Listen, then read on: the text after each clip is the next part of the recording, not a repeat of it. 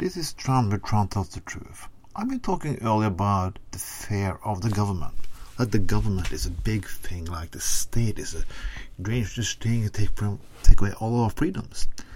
But I was more even surprised last week uh, when I found out in America, well, I already know it, but I found out they can have the situation again. They stop funding the government.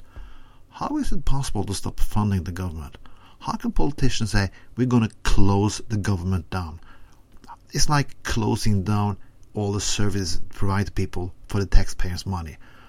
That is the strangest, weirdest, most ineffective system of all time. In Norway, we don't fear the government. Sometimes, sometimes we are pissed at it. Sometimes think it can do it better. But I've been working in both private and public sector.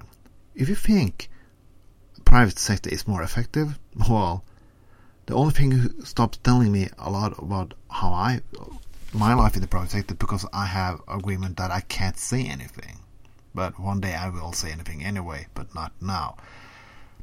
You have the problem is not the government, it's not the private sector. It's like people are people. If you think private hospitals work better than public hospitals, it don't. But sometimes people who runs the government don't want the government to work. They stop funding the hospitals and stop funding programs for children and so on. And I said, hey, it doesn't work. We have to privatize it. Yes, you, you have to privatize it because you can't do the job you are elected to do. If you believe that the government taking away liberties and personal freedom and so on, go ahead and believe that. But really, do you think that the private sector, like big corporation, have you in mind? Really? Do you think they're gonna give all those big tax our God to you? Really?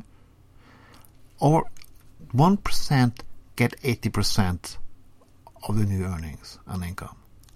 Not you. Not you at all.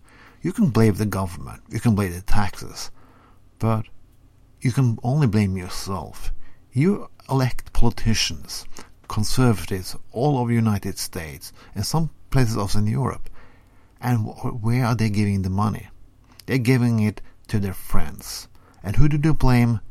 Foreigners, Muslims, and people of color. That is the situation.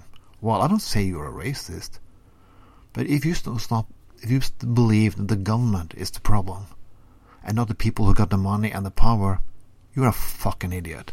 This was Trond with Trond Tells the Truth. Have a nice day.